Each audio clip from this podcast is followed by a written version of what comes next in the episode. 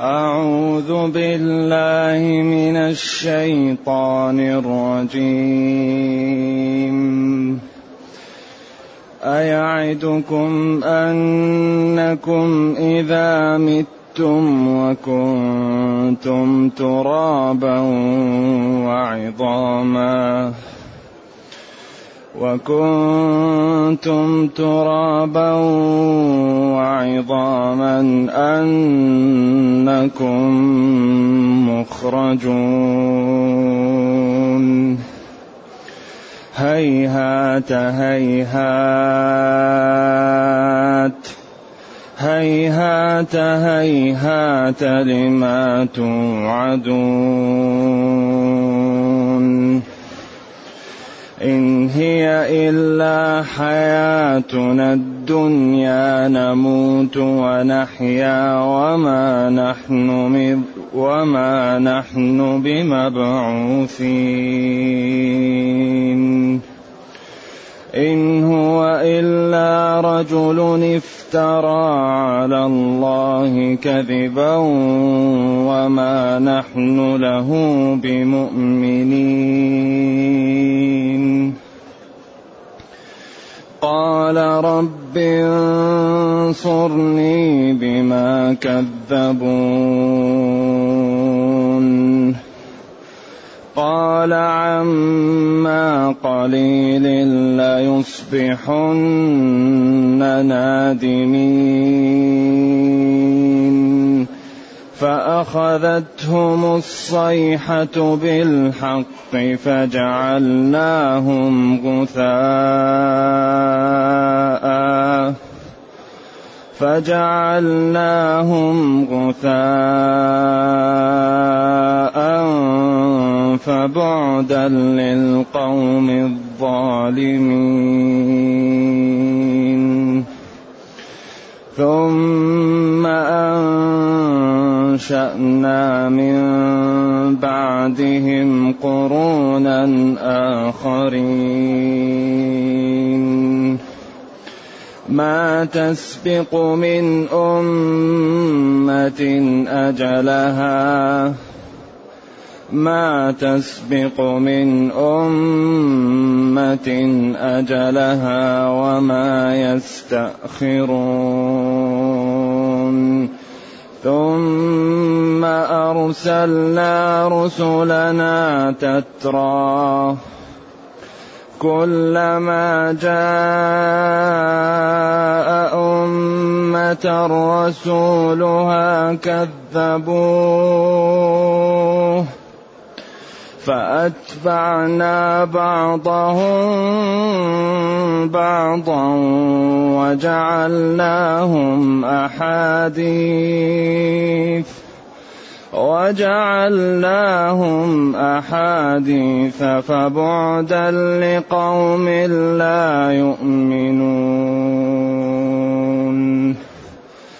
ثم أرسلنا موسى وأخاه هارون بآياتنا وسلطان مبين.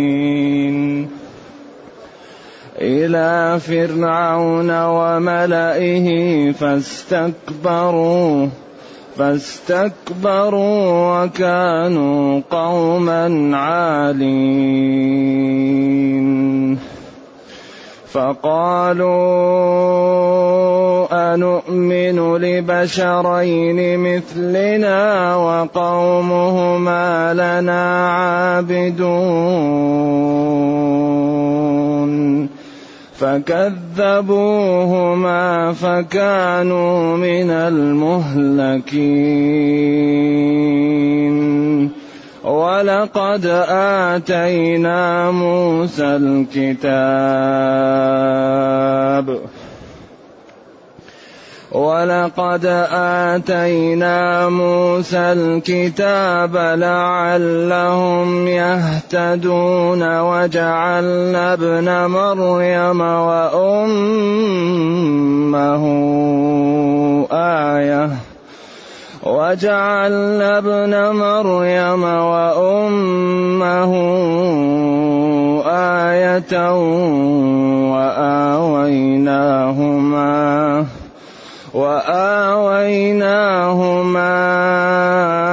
إلى ربوة ذات قرار ومعين.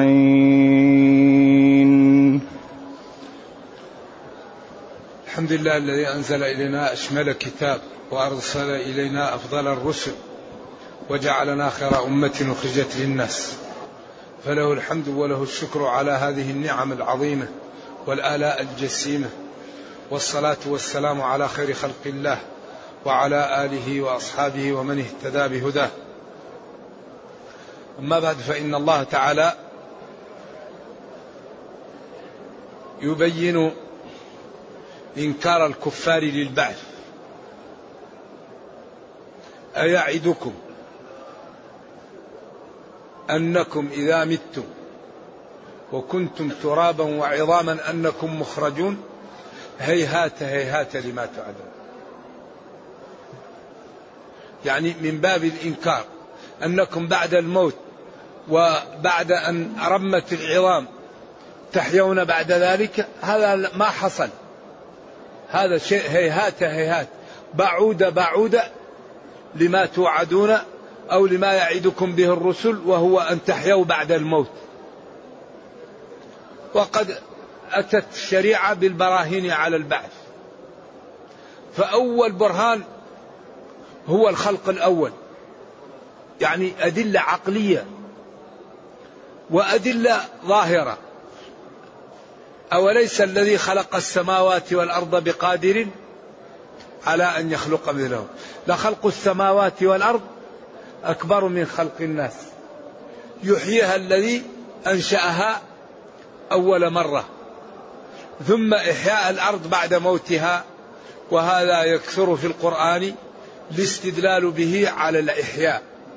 قال جل وعلا وترى الأرض هامدة فإذا أنزلنا عليها الماء اهتزت وربت وأنبتت من كل زوج بهيج ذلك بأن الله هو الحق وأنه يحيي الموتى. وقال كذلك النشور كذلك تخرجون. أي كما أحيا الأرض. لأنه لا فرق بين إحياء الأرض وإحياء الأموات. كل إحياء وكل قدرة هائلة لا يقدر عليها إلا الله. ثم هيهات فيها عشر لغات. ففيها قراءة سبعية هيهات. وفيها قراءة عشرية هيهات هيهات. قراءة أبو جعفر يزيد بن القعقاع المدني. قرأ هيهات هيهات والسبعة قرأوا هيهات هيهات وبقيت العشرة وفيها لغات عشر كلها قراءات شاذة أو لم يقرأ بها. هيهاتا هيهاتا هيهات هيهات هيهات هيهات هيهات هيهات في أيهات وفي أيهان بدل التاء نون عشر اللغات كلها ولكن لم يثبت قراءة إلا هيهات وهيهات. هذه المتواترة والباقي شاذ. ومعنى هيهات بعودة فإذا قلنا هيهات بمعنى أين وكيف. وإذا قلنا هيهات بمعنى مذ وحيث. وإذا قلنا هيهات هيهات أمس وهؤلاء. مثلها. ومعنى هيهات بعود. بعود الأمر واستحال حصوله. لما توعدون وهي إحياء الناس وبعثهم بعد أن يموتوا. وهذا الدين كله قائم على العقل وعلى البراهين. لذلك لا يقول الله للخلق قول إلا دلل عليه وبرهن عليه. لذلك دين قائم على البراهين والأدلة. وقال وما كنا معذبين حتى نبعث رسولا. وقال لا إكراه في الدين. الإسلام لا يرغم أحدا على الدخول فيه لكن لا يسمح لأحد بالخروج منه. فقبل أن تدخل فكر. وكل قائم على البراهين والأدلة. ولذلك آه، معجزة الدين هو القرآن. كل رسول له معجزة. وتكون المعجزة دائما في الأمر الرائج في ذلك الزمن. لا تكون المعجزة إلا في أمر رائج ومعروف عند أهل البلد ليفهموا أن هذا ليس من مما عندهم من الأمور. لذلك العصا جاءت لأن كان في زمن فرعون السحر جاءت العصا وغلبت السحر. ولأن في زمن عيسى كان الطب جاء عيسى بما يغلب الطب. ولأن في زمن النبي صلى الله عليه وسلم كانت الكلمة والبلاغة هي القمة عندهم جاءت معجزته بأسلوبهم ولذا كلام من كلامهم ألف لام ميم. ألف حرف حلقي اللام حرف في اللسان الميم حرف شفوي. وكل الحروف إما من الحلق أو من اللسان أو من الشفتين. ذلك الكتاب. لا ريب فيه. لذلك قال إن كنتم مكذبين بي فأتوا بمثله. فإن عجزتم فاعلموا أني صادق فاتبعوني. يعني إعجاز لا وراء وراءه.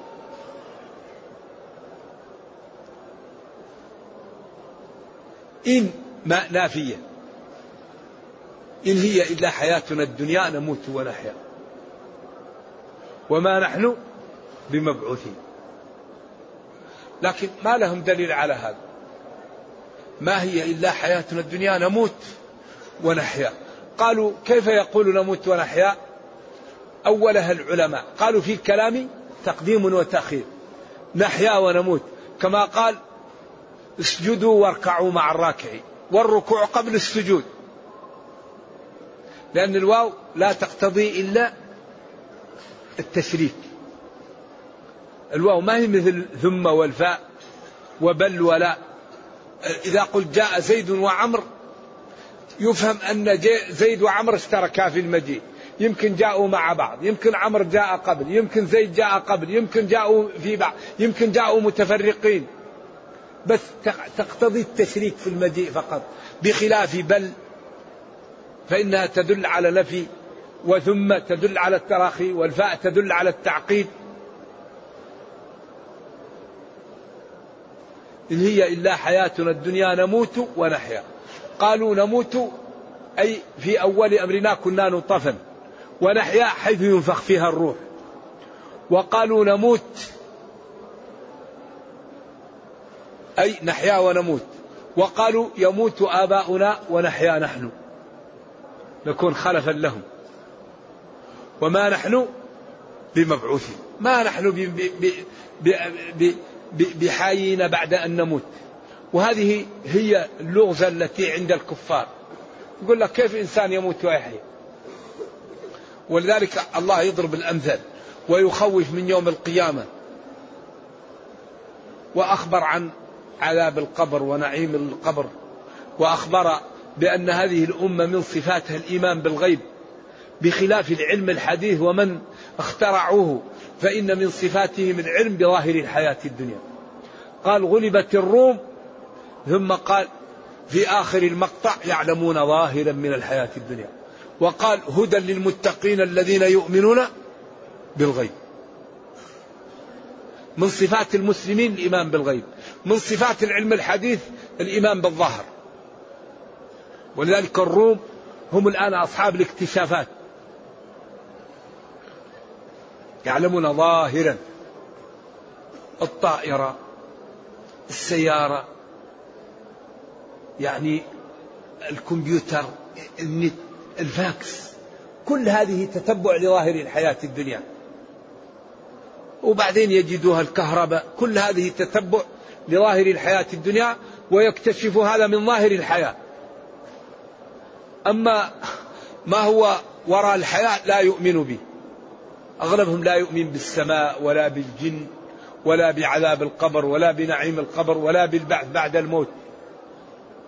لأن هذا من الغيب وهم لا يؤمنون بالغيب. أما المسلمون فيؤمنون بالغيب. ولكن الله دلل على هذا أدلة كثيرة. يحييها الذي أنشأها أول مرة. يعني والإنشاء أبدأ من الإعادة. ولذلك يخوف الله من البعث ويوم القيامة ليأخذ كل واحد الحيطة لنفسه قبل أن يفوت عليه الأوان. وما نحن بمبعوثين. ولسنا بمخرجين من القبور ولا بمبعثين يعني محيين بعد موتنا. إن هو إلا رجل افترى على الله الرسول الذي جاءهم نوح أو صالح بعد أو هود أو محمد صلى الله عليه وسلم أو هم جميعا يقول لهم هذا أصحابهم. افترى على الله كذبا. ما هو إلا رجل كذب على الله. وإلا ما رأينا أحد مات وش؟ وحي. وما نحن له بمؤمنين. وما نحن لأجله بمصدقين وما نحن له أي لأجله ولأجل ما جاءنا به بمؤمنين بمصدقين ومطيعين له. طيب إذا هنا جاءت نقطة الصفر. هو جاءهم بالأدلة والبراهين ووضح لهم وهم كذبوا. إذا لم يبقى عنده إلا ما لا قال ربي انصرني بسبب تكذيبهم لي. ربي انصرني. كما قال هناك في إيش؟ في القمر فانتصر. انصرني. ما عندي ناصر إلا أنت.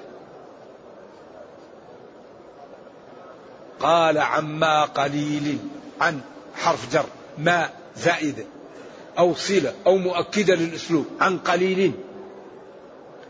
ليصبحن لام مؤكدة والنون مؤكدة. نادمين يعني متألمين يعني في غاية التألم لفعلهم السابق حيث لم يطيعوا رسولهم ولم يتبعوه. عن قليل والله ليصبحن ليصيرن هؤلاء القوم في غاية من الندم وهو التألم على شيء لم يفعله الإنسان وكان بمقدوره أن يفعله أو شيء فعله وكان بمقدوره أن لا يفعله. فالندم هو على أمر فاتك وكنت لو عملته لفزت وحزت على الكرامة وضاع عليك ولم تعمله. فالتألم الذي يحصل في قلبك على ذلك يسمى الندم. على أمر فعلته ما كنت تريد أن تفعله وعلى أمر لم تفعله كنت تريد أن تفعله وكان فيه لك المنفعة العظيمة وفي عدم فعله الخسارة الكبيرة. هذا هو الندم. التألم على أمر فاتك كان بمقدورك أن تنال منه الخير وضاع عليك. ليصبحن نادمين فأخذتهم بالحق. جاءتهم الرياح وصح عليهم جبريل فهلكوا عن بكرة أبيهم. سواء قلنا قوم عاد أو قوم صالح. لأن هؤلاء جاءتهم الرسل وخصوصا قوم صالح. الله أكرمهم وأعطاهم القوة وجعلهم البيوت في الجبال ينحتون منها بيوتا فارهين في غاية الإتقان. وأعطاهم بلد سهل لا عجيب به خصب وجمال. وبعدين جاءهم رسول منهم. فقالوا لا نؤمن إلا إذا أخرجت لنا ناقة من هذه الصخرة. فدعا فخرجت الناقة. وأصبحت الناقة أمرها عجيب لها شرب ولهم شرب. وإذا شربت تحلب أكثر مما تشرب. فراحوا لشقاء أشقاهم وعقرها. ما يخاف الله. أعوذ بالله. ولذلك من يضلل الله فلا هادي له. إذا كان الإنسان شقي لا ينفع فيه النصح ولا الأدلة ولا البراهين. وإلا بأي حق تخرج لكم ناقة من صخرة وتتجرؤون وتنحرونها تعقرونها. جراءة وجهل و و وكفر و وعياذا بالله أمر لا. لا لا لا يدركه العقل. أما تخافوا ربكم؟ اذا بعدين فأهلكهم الله عن بكرة أبيهم. خرج صالح ومن آمن معه قيل خرج للرس وقيل خرج لحضر موت وقيل ذهب وجاءتهم الريح وصاح عليهم جبريل فأهلكهم عن بكرة أبيهم.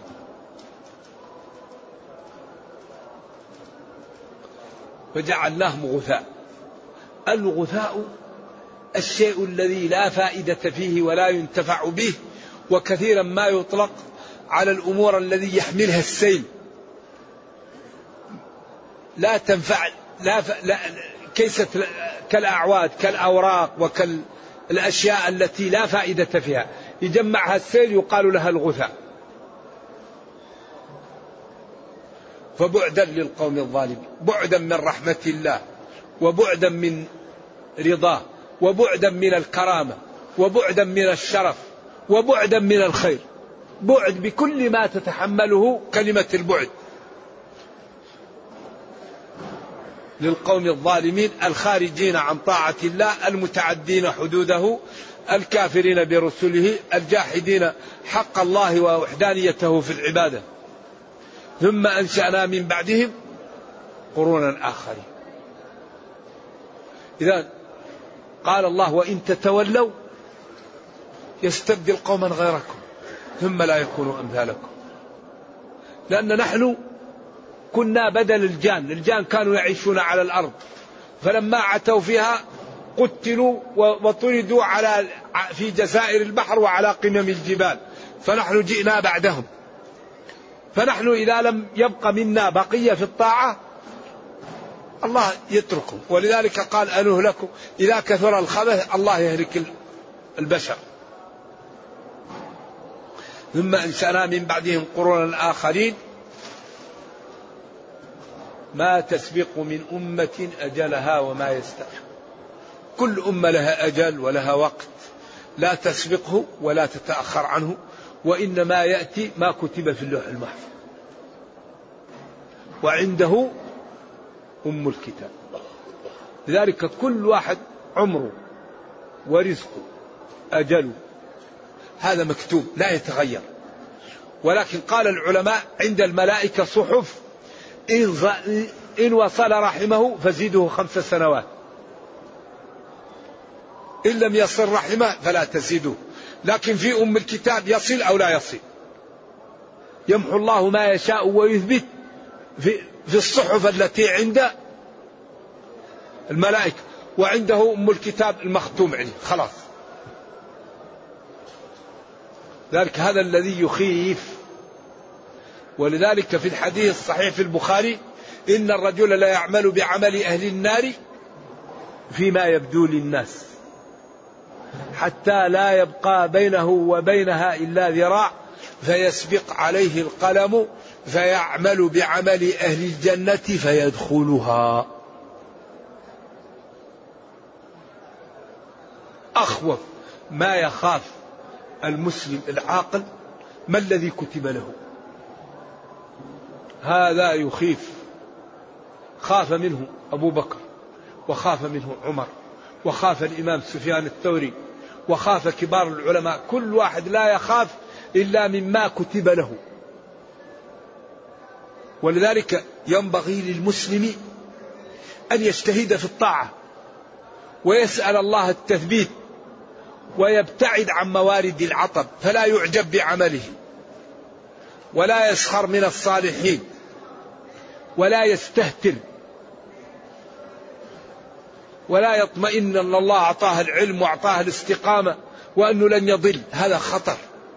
إبليس يقال إنه كان خازن لسماء الدنيا. كان مسؤول عن سماء الدنيا. يقال إن جاءه الكبر والعجب وقال لن يخلق الله خلقا أكرم عليه مني. فأمره بالسجود لآدم فامتنع فقال اخرج منها مذءوما مدحورا. فهو كان الشيطان قال ربي أنظرني قال ربي أعطني أعطني الوقت عشان ننتقم من آدم ومن ذريته. لأنه كان السبب في إخراجي من الجنة فبعزتك لأغوينهم أجمعين.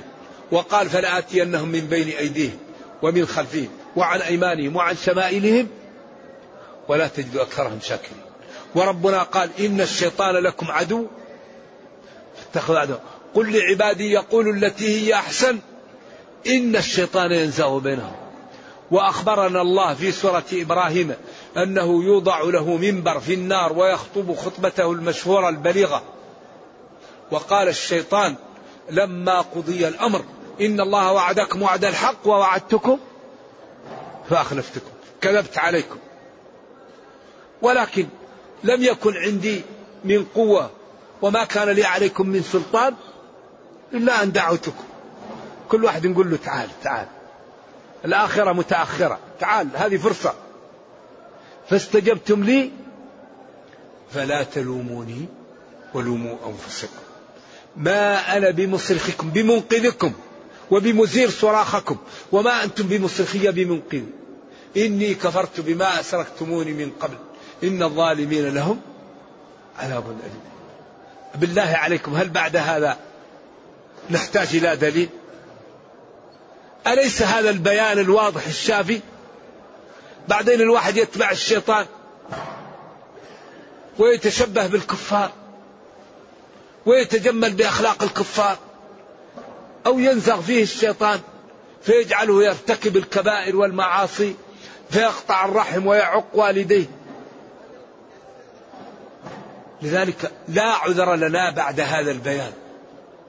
بين لنا ربنا البيان الشافي فما علينا إلا أن نجتهد ونتكل على الله ونعمل. وقل اعملوا اعملوا. فسيرى الله عملكم. فكل شيء بين لنا. كتابنا تبيان لكل شيء. لذلك حري بنا أن ننقذ البشرية بهذا القرآن. حري بنا أن ننقذ العالم من الكفر والضلال والظلم والاضطهاد. حري بنا أن نوضح للناس الميزان الحق في هذا القرآن لأن الله قال وضع الميزان ألا تطغوا في الميزان. أمة عندها هذا الكنز. ينبغي أن أن تنفق منه وأن تبين للناس جماله وأن تعيش به وأن تدعو الناس إلى سلوكه وأن تظهر للناس جمال هذا الدين في حياتنا. ولم أرى في عيوب الناس عيبا. كنقص القادرين على التمام. كفى حزنا لا مهاة لعيشنا ولا عمل يرضى به الله صالح. ما أحسن الدين والدنيا إذا اجتمعا وأقبح الكفر والإفلاس بالرجل فحري بنا أن نأخذ هذا الكتاب وأن نتدبره وأن نتفهمه وأن ننقذ البشرية؟ إذا ما تسبق من أمة أجلها وما يستأخر. لكل أجل كتاب. إن أجل الله إذا جاء لا يؤخر. قل لكم ميعاد يوم لا تستأخرون عنه ساعة ولا تستقدمون إذا لم لا نعمل لديننا؟ وعندنا مطمئنات من ربنا أن أعمارنا لا تزيد ولا تنقص وأن أموالنا لا تزيد ولا تنقص. لم لا نعمل لديننا؟ ونعمل لرفعتنا في الدنيا والأخرى. ومن أهم ما ينفعنا أننا نستقيم. أهم شيء ينفع الأمة شخص يستقيم. شخص يكون قدوة في الخير في الصدق في الأمانة في إكرام الجيران في أن يبر بوالديه في أن يبتعد عن الحرام في أن يبتعد عن الربا عن النجش عن الغرر عن الجهالة عن أذية الجيران عن الاعتداء على الضعاف عن اغتياب الناس. أحسن شيء يقوم به المسلم أن يظهر للناس جمال الدين في حياته. يكون صادقا. يكون أمينا. هذا الذي ينفع. ولذلك ما رأيت شيئا أنفع من القدوة الحسنة. فاستقم كما أمرت. وما أريد أن أخالفكم إلى ما أنهاكم عنه. أتأمرون الناس بالبر وتنسون أنفسكم؟ وأنتم تتلون الكتاب؟ أفلا تعقلون؟ كبر مقتا عند الله؟ أن تقولوا ما لا تفعلون لذلك لا يوجد شيء أنفع من أن يظهر المسلم للناس الدين في حياته في بيعه في شرائه في سفره في نظرته في مشيته في نومته في سوقه في مسجده. يتمثل الدين في كل أحواله. فإذا رآه الناس أحبوا الدين وكان قدوة حسنة لهم. أما إذا كنا نتكلم بالدين وأفعالنا تخالفه فهذا يسمى انفصام هو الانفصام وهو الذي ضر العالم الإسلامي أنهم يتكلمون كثيرا وكثير من الأمور لا يطبقونها. ونحن أمانة فينا إنقاذ البشرية. هذه الأمة المسلمة خير أمة أخرجت للناس فلا بد ننقذ العالم من الضلال بالصدق. بالأمانة بالبرامج بحل مشاكل العالم. العالم فيه مشاكل محلولة في القرآن محلولة في الدين. نبينا قال له ربه لتبين للناس ما نزل إليه وأنزلت عليه اليوم أكملت لكم دينكم. فأي مشكلة في العالم نفتح كتابنا ونحلها. إذا لا بد من مراكز عملاقة لحل مشاكل العالم من القرآن. ونحن الأمة المسلمة مشاكلنا الكبيرة أوامر معطلة ونواهي منتهكة. هذا الذي قوض العالم الإسلامي مليار وستمائة مليون. كثير من أموره لا يستشار عليها. السبب أوامر معطلة. أعدوا أمر معطل. ولا تنازعوا. نهي منتهك. وقس عليه. إذا إنقاذ البشرية في أن يتمثل المسلمون الإسلام. الإسلام ينهى عن الظلم. لا تظلموا. حتى يقول وإما تخافن من قوم خيانة فانبذ إليهم على سواء. ولا يجرمنكم شنآن قوم بغضهم وكراهيتهم وضررهم. ولا يجري على أن لا تعدلوا. تكرهه. بينك معاه بغض مشاكل؟ لا اعدلوا. العدل أقرب للتقوى هو أقرب للتقوى. انصر أخاك ظالما أو مظلوما. قال كيف ننصره ظالم؟ قال تمنعه من الظلم. دين دين رائع. ولكن أين المراكز التي تتبع هذه الأوامر وتفعلها وتوضح هذه النواهي وتحذر من انتهاكها؟ نحتاج إلى نحتاج إلى مراكز عملاقة تنقذ البشرية. لو فهم العالم الإسلام لدخل في الإسلام أفواجا. لكن المسلمين يحولون بين الكفار وبين الإسلام بكثير من أفعالهم المخالفة للإسلام. فحذاري حذار ثم بعد ذلك بعد نوح وهود وصالح أرسلنا رسلنا تترى. أي كل مدة أصلها تترى التاء الثانية واو. قلبت تاء. أي تتبع بعضها. من وتره إذا تبعه. تترى أي تتبع. كل أمة وراء أمة. كلما جاء أمة رسولها كذبوه. إذا يا نبي اطمئن واعلم أنك إن كذبتك قريش فهذه أعمال الأمم السابقة فاطمئن وسر على ما أنت عليه فربك ناصرك لا محالة إذا هذا تثبيت لقلب النبي صلى الله عليه وسلم وطمأنة له وأنه إن كذبته قومه فكل الرسل كذبوا. كلما جاء أمة رسولها كذبوه. فأتبعنا بعضهم بعضا. نرسل هذا فيكذبوا فنهلكهم. نرسل الثاني يكذبوا نهلك وجعلناهم أحاديث. جمع حديث أو جمع حدوثة وهو يعني ما كانوا فيه من التكذيب وما حصل لهم من الهلاك. فقوم لوط وقوم شعيب وقوم صالح كلهم أهلكوا. ويتحدث عنهم ولا زالت بعض ديارهم قائمة إذا رآها الناس يخافون ويبكون بل أمروا بالبكاء عند رؤيتها وأنها لا يأتيها إلا باكي. لا تمروا بديار هؤلاء القوم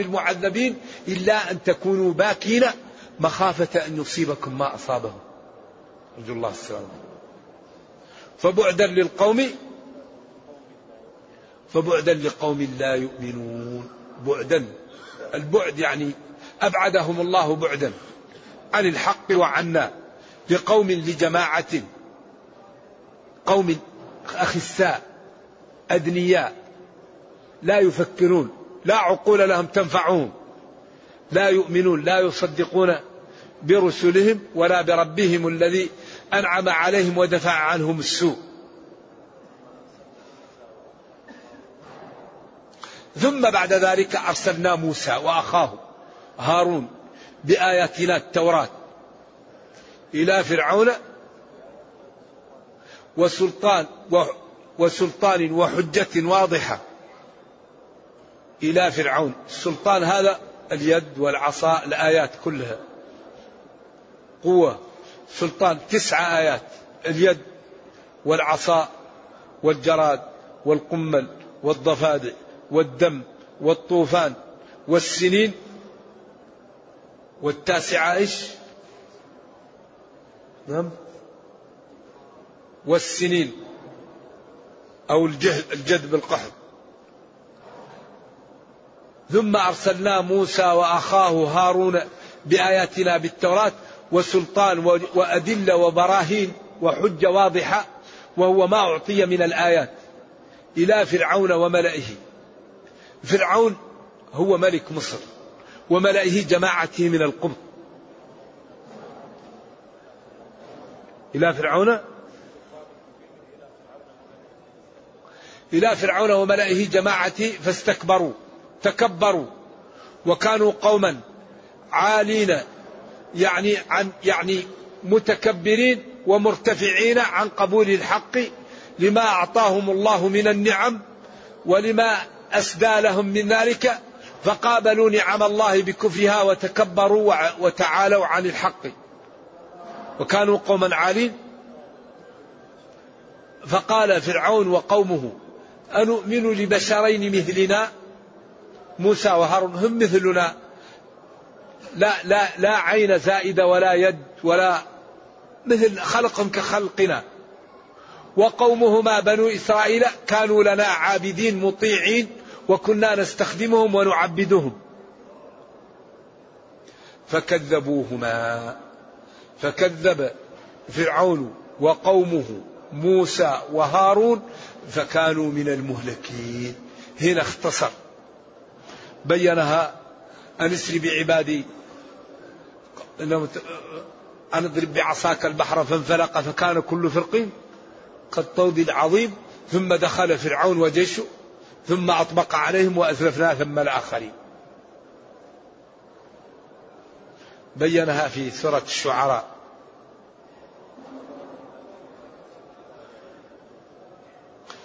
والله لقد أعطينا موسى الكتاب التوراة لعلهم يهتدون بما فيه من يعني الأدلة والبراهين على صدقه وعلى ما ينفعهم. ولكنهم كذبوا وكفروا. وهذا كما قلنا تثبيت لقلب النبي صلى الله عليه وسلم وطمأنة له وأن الذي حصل له حصل للرسل قبله فيصبر ويستمر على دعوة قومه وعلى الدعوة إلى الله. ثم قال وجعلنا ابن مريم وأمه آية. جعلنا ابن مريم آية وأمه آية أو جعلناهما جميعا آية. بحيث ولد من غير أب وبحيث ولدت هي من غير أن تمس. ذلك مريم أمرها عجيب. كانت صالحة ونذرتها أمها ورآها زكريا عندها الفاكهة في غير زمنها فقال إذا ربي كريم وأنا كبير وأريد ولد. عند ذلك قال زكريا ربي هب لي من لدنك فنادته الملائكة وهو قال أن الله يبشرك بيحيى. اللي خلاه يتذكر مريم رأى عندها الفاكهة في غير ثمنها. قال ربي كريم وأعطى لي هذه الفاكهة في غير ثمنها وأنا كبير وأريد ولد أطلب ربي فدا أعطاه. الله كريم. قال ربكم ادعوني.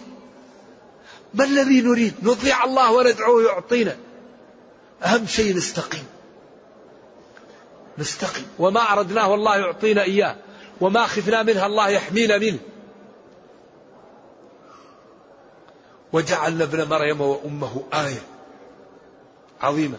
وآويناهما عندما ولدته وكانت في كرب إلى ربوة مكان مرتفع أو مكان خصب. ذات قرار. مع ارتفاعه هو مطمئن. يقيل فيه زروع وقيل فيه فواكه وقيل فيه ماء جاري ذات قرار ومعين. هل معين بمعنى مفعول أو فعيل؟ على أن النون الميم أصلية أو زائدة أقوال للعلماء. وهذا يدل على قدرة الله وعلى كرمه. فينبغي للعبد أن يكون عبدا لله. فإنه سيكرمه ويعزه ويحميه ويهديه. ولكن كل شيء له ثمن. أوفوا بعهدي أوفي بعهدكم. لا نغالط ونأخذ الثمن والمثمون. ندفع الثمن والله يعطينا المثمون. إن الله اشترى من المؤمنين. اشترى. فاستبشروا ببيعكم الذي بايعتم به. وكل شيء له ثمن.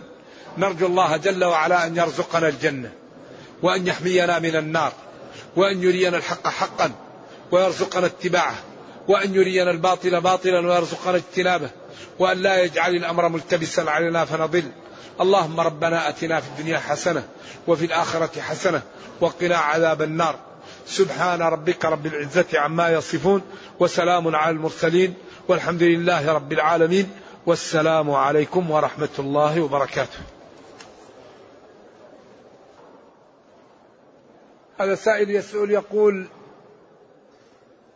قال الله تبارك وتعالى وإذا ضربتم في الأرض فليس عليكم جناح أن تقصروا من الصلاة إن خفتم الآية السؤال في معنى ظاهر الآية يعني هذه الآية الذي يظهر أن المصلي إذا خاف يقصر من هيئة الصلاة. ليس عليكم جناح أن تقصروا من الصلاة إن خفتم أن يفتنكم الذين كفروا كما قال فرجالا أو ركبانا. تقصر هيئة الصلاة أو تجعل الركعتين ركعة على قول أو تصلي وأنت على الدابة وتضرب وأنت تركع. نعم. أيوة. إذا ليس عليكم جناح أن تقصروا من الصلاة إن خفتم. أيوة. يعني ليس عليكم. وما قال أحد أن القصر واجب. ليس حتى نقول أنه ليس علينا جناح فيه لأنه يجوز لنا أن نقصر من الصلاة في هيئتها إن كانت صلاة خوف. بحيث نصلي نركع وأنا أضرب. وأسجد وأنا أضرب. يعني نقصر في هيئتها. ولذلك قال فإذا اطمأننتم فأقيموا الصلاة. فصلوا كما علمتم. هذا يدل على قصر الهيئة. والله أعلم.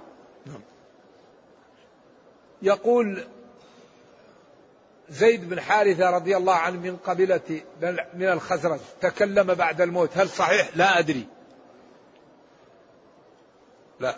تكلم بعد الموت. أظن ثلاثة اللي أعرف. اللي هو آه، الرجل صاحب بني إسرائيل أو حي بعد الموت. هذا اللي الذي قتله وقال من قتل؟ قال فلان مات. اضربه ببعضها. ولا أعرف هذا أنه تكلم. وهل يجوز الوقف في القراءة عند قوله هيهات يجوز. وبعض القراء قرأ هيهات وبعضهم قرأ هيهاه كلهم قراءة نعم. أنا الحقيقة أريد أن تكون الأسئلة متجهة نحو الدرس أو نحو أمور في عبادة الناس. يسأل الإنسان عن أمور تتعلق بالتفسير في الدرس أو أمور يحتاجها المسلم لعبادته لدينه.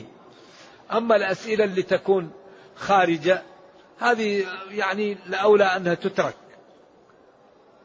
يقول ما النية؟ كيف نعمل النية في حلقة العلم؟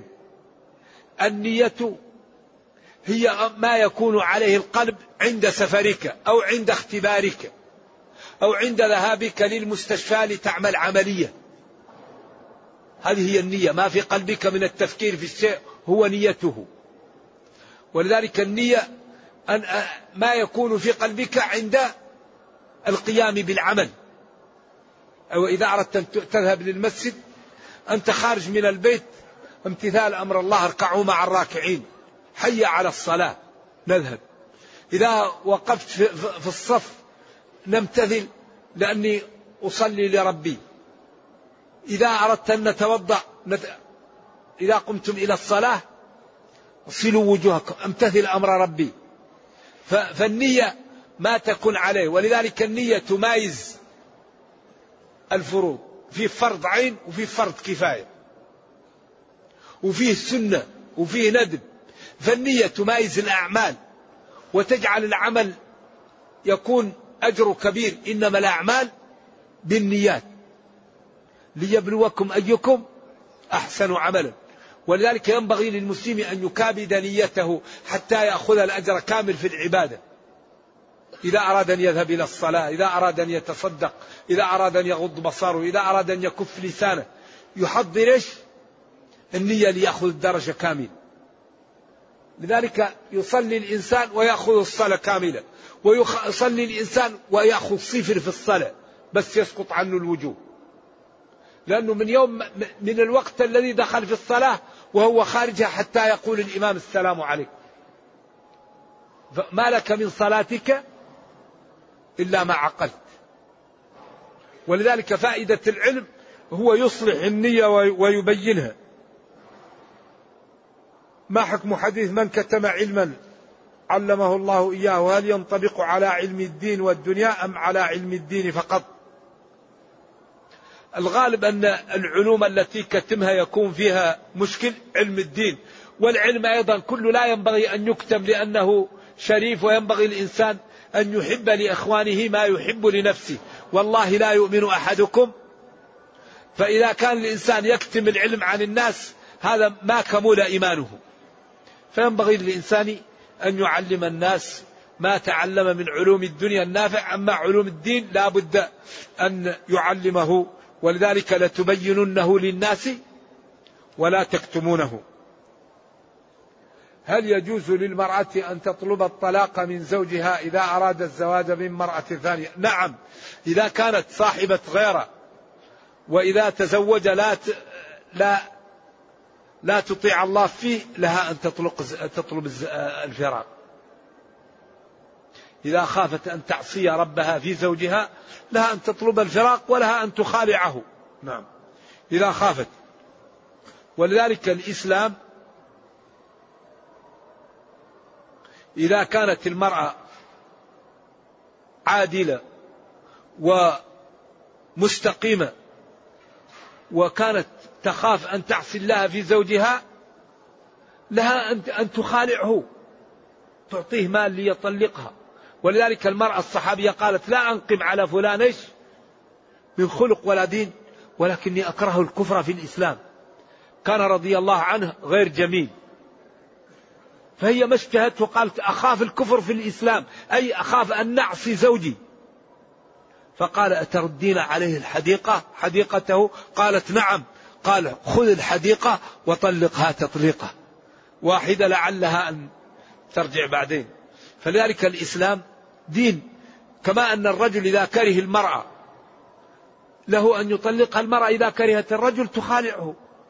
فيأتي تأتي للقاضي فإذا نظر القاضي ووجد أنها غير مخببة وأنها امرأة صالحة وتخافش المعصية يقول للزوج خذ مالك يا أخي وفارق.